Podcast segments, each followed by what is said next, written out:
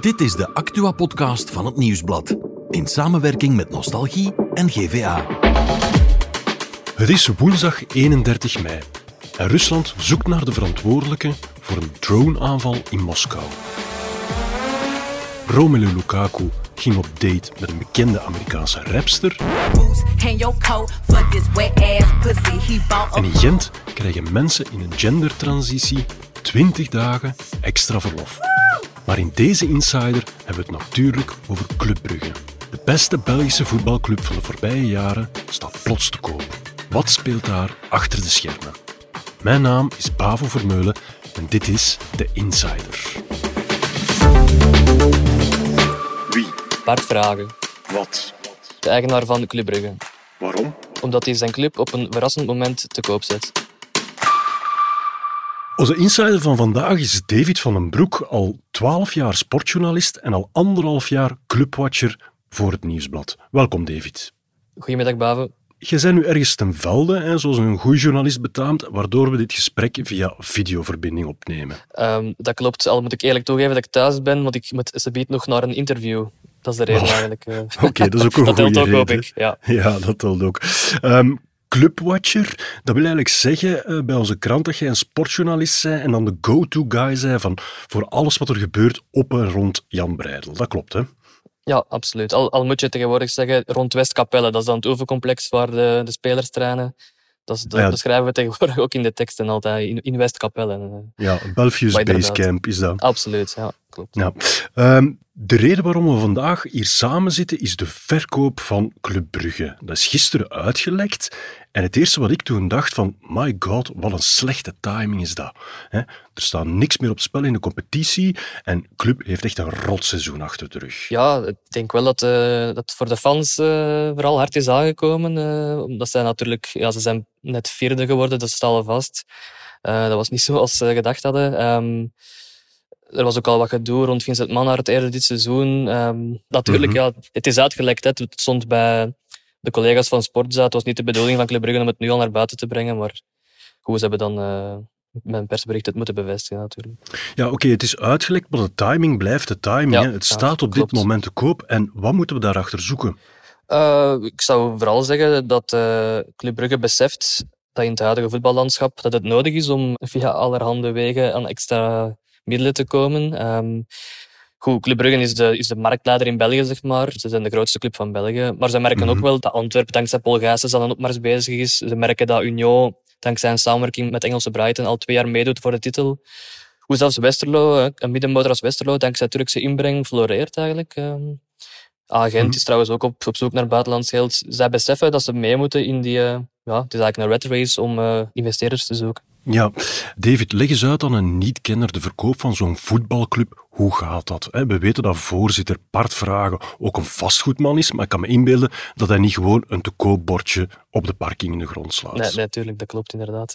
Vooral omdat eh, Bart Vragen op zoek is naar buitenlands geld. En buitenlanders gaan natuurlijk niet zomaar voorbij Jan Breidel eh, rijden. Nee, Club heeft een paar maanden geleden de Rain Group ingeschakeld. En dat is een. Amerikaanse zakenbank die eigenlijk al heel wat overnames geleid heeft in de sportwereld. En ze zijn eigenlijk enorm bekend geworden vorig jaar door de miljardenverkoop van Chelsea. Ah ja. Dus eh, ze hebben Chelsea op vraag van Roman Abramovich verkocht voor een ja, kleine 5 miljard euro. Dus dat kan wel tellen. Maar ze hebben ook eh, in de Amerikaanse sportwereld, in de NBA, basketbal bijvoorbeeld, hebben ze al overnames in goede banen geleid. Dus bij Club Brugge ja, denken ze dat dat de geschikte partij is om met hun gigantisch netwerk aan een eh, koper te geraken.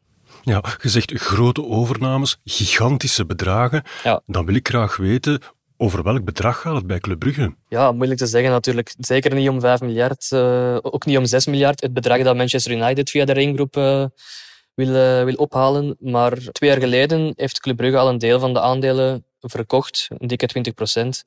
En toen is er wel naar buiten gekomen dat de club ongeveer 215 miljoen euro waard is.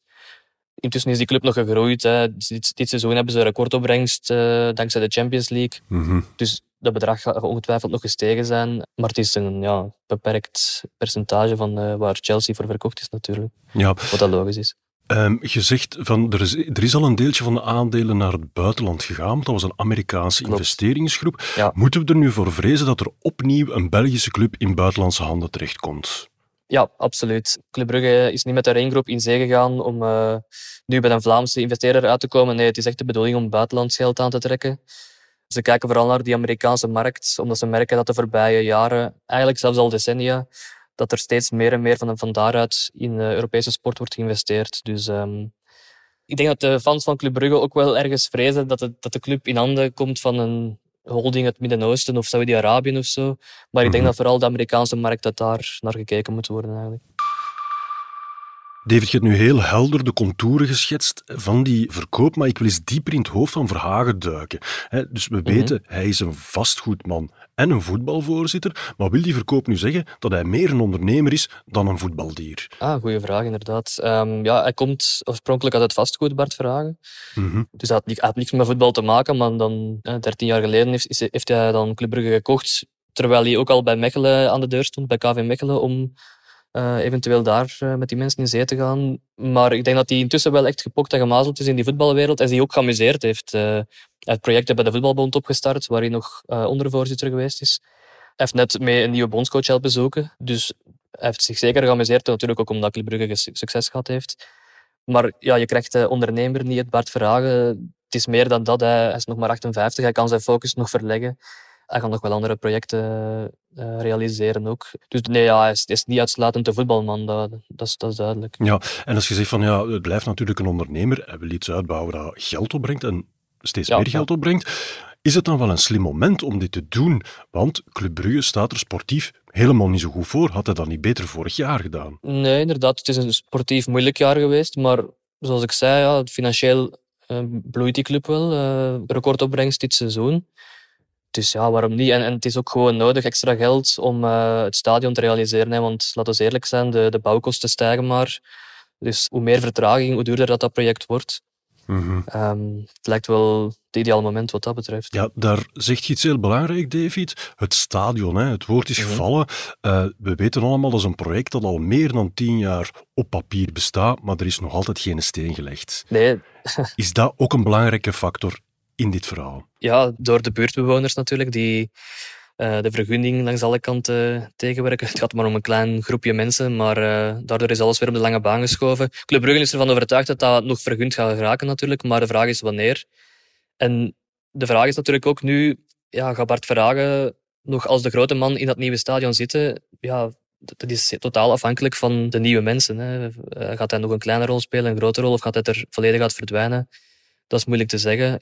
Ja, het is niet noodzakelijk als er een koper gevonden wordt dat Club Brugge volledig verkocht wordt. Het kan ook zijn dat dat voor een deel is en dat Verhagen mee aan zet blijft. Ja, dat wordt benadrukt eh, binnen Club Brugge wel. De volledige verkoop kan. Zeker ook omdat in de folder die werd rondgestuurd in de financiële wereld stond dat Bart Verhagen toe is aan nieuwe uitdagingen eventueel. Ah, ja. uh, maar het kan ook een gedeeltelijke verkoop zijn. Uh, het kan ook gewoon een grote investeerder zijn die erbij komt. Of het zou ook kunnen dat Club Brugge deel gaat uitmaken van een groter netwerk aan clubs. Zoals je nu al vaker ziet met de City Football Group, die niet alleen Manchester City heeft, maar ook ja, vijftal andere clubs, waaronder Lommel, God betert, tweede klasse Lommel in België. Dus dat ligt nog helemaal open eigenlijk. David, we hebben het nu voornamelijk gehad over voorzitter Bart Verhagen, maar er is natuurlijk ook nog de CEO, Vincent Manaert. Mhm. En wat ik daarvan weet, is dat hij onlangs in opspraak gekomen is door zijn alcoholmisbruik en zelfs op de vingers getikt geweest is door de raad van bestuur.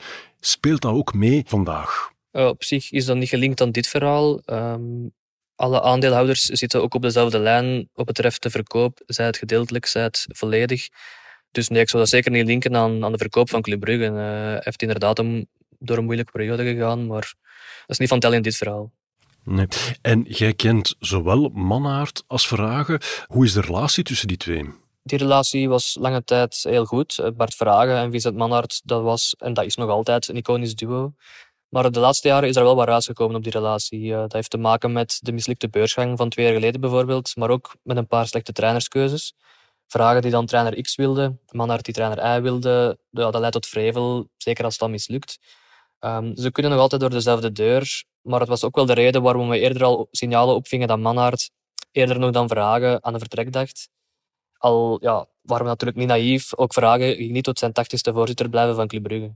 Oké, dat is duidelijk. Nog één ding, David, waar ik vanmorgen heel hard naar heb zitten kijken, is de foto bij uw analyse in de krant. Daar staat Bart Vragen bij zijn aantreden, twaalf jaar geleden. En dat is een frisse kerel, glad geschoren, gebronzeerd en met een stevige bosbruin haar. En als je hem dan vandaag ziet, hij is helemaal kaal en hij heeft een grijze baard.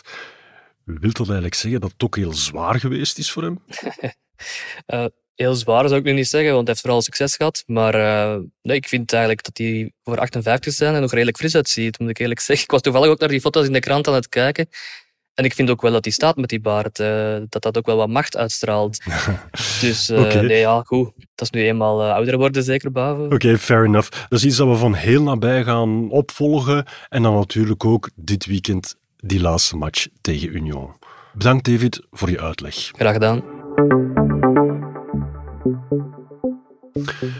Er is natuurlijk nog ander nieuws vandaag en daarvoor is producer Bert er komen bijzitten. Dag Bavo. Dag Bert. Bert, de oorlog tussen Rusland en Oekraïne domineert weer de headlines. Klopt, ja. Gisteren namiddag was er een uh, droneaanval op Moskou. Er was veel onduidelijkheid rond, maar in elk geval er zijn appartementsgebouwen geraakt. Er was even sprake van drie doden. Uiteindelijk blijkt de schade niet echt heel groot, blijkt er twee gewonden te zijn. Maar het is, ja, het is vooral symbolisch. Hè. Er is een mhm. aanval op Russisch grondgebied in Moskou, in een echt ja, rijke residentiële wijk. Dus ja, dat heeft wel een psychologische impact. Ja, de oorlog zit nu ook in Rusland. Dat is het, de boodschap. Ja, dat is eigenlijk de boodschap. Het zat al een beetje in Rusland. U weet, Belgorod zijn ook wel aanvallen geweest, maar nu echt in Moskou, in zo'n ja, in een rijke wijk, dat is toch iets anders. Mhm. Wie zit daar dan achter? Dat is een grote vraag. Ja. Natuurlijk wijst Rusland naar Oekraïne, mhm. ehm, maar het kan ook het Russische verzet zijn, of ja, het kan ook in scène gezet zijn. Dat is ook een optie die nog altijd in het Westen wordt uh, opgehouden. Mhm. Maar de militair historicus Tom Simons die heeft wel gezegd van ja, dit is wel een gevaarlijke wending. Want als Russische burgers ook al worden aangevallen op hun grondgebied, dan gaat de oorlog wel in een nieuwe fase. Um, iets helemaal anders, een totaal ander register. um, het gaat over Romelu Lukaku en er zijn beelden opgedoken dat hij hand in hand staat met een Amerikaanse rapster. dus de man van wie we niks weten over zijn privéleven en ineens is daar die foto. Ja, en niet met de minste, het gaat over deze vrouw.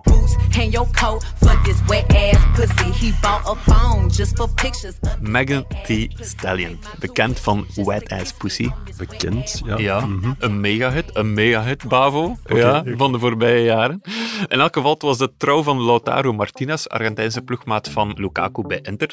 En hij is daar gespot met Megan Thee Stallion. Ze liepen hand in hand, ze hebben gedanst en zo verder. Of het echt officieel een koppel is, is niet duidelijk, maar het was wel duidelijk zijn date voor die avond. Dus misschien zit daar wel zo een internationaal bekend koppel aan te komen met onze Romelu. Twee echte supersterren. Ja. Goed, en dan is er ook nog wel was tennis uh, deze ochtend over een maatregel die ze genomen hebben in Gent. En dat gaat over extra verlofdagen voor mensen die in een geslachtstransitie zitten. Ja, 20 dagen, klopt. Het zit zo, als je in transitie gaat, dan krijg je 20 dagen verlof in Gent. Uh, je moet daar wel voor bewijzen dat je naar bijvoorbeeld de psycholoog moet, of naar dermatoloog of fertiliteitsarts. Dat is Eigenlijk... dus niet voor de echte chirurgische ingrepen? Nee, dat zijn ziektedagen, dus dat is sowieso vergoed. In dit geval ja, weten we dat er als mensen in transitie gaan, dat er ook heel wat bij komt, zoals een psycholoog. Het is belangrijk en daarvan zegt Gent nu van kijk, daar krijg je 20 dagen voor ter ondersteuning van, ja, van heel dat kader. Ja, en waarom neemt de stad Gent nu die beslissing? Ja, het kadert in een groter genderneutraal beleid, zegt Gent. Bijvoorbeeld, het gaat om details, hè, maar ze zeggen, zeggen zegt niet langer moederschapsverlof, maar zeg zwangerschapsverlof. Mm En zegt niet langer vaderschapsverlof, maar zeg geboorteverlof. Ze willen alles zoveel mogelijk genderneutraal maken. Ook de toiletten zijn bijvoorbeeld volledig veranderd. Ja, dat is op de redactie ook hier, hè? Ja, ik heb het ook gezien. Um, met zo'n ja, mannetje, vrouwtje, dat verandert. Half mannetje, half vrouwtje. Gemakkelijk, hè? kun je nooit meer vergissen, Babel. Dat klopt helemaal, Bert. Bedankt voor dit overzicht. En morgen zijn we er weer met een nieuwe Insider.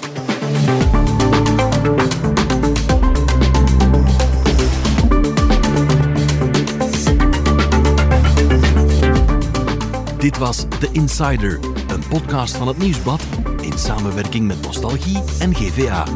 De muziek is van Pieter Santens. De montage gebeurde door House of Media.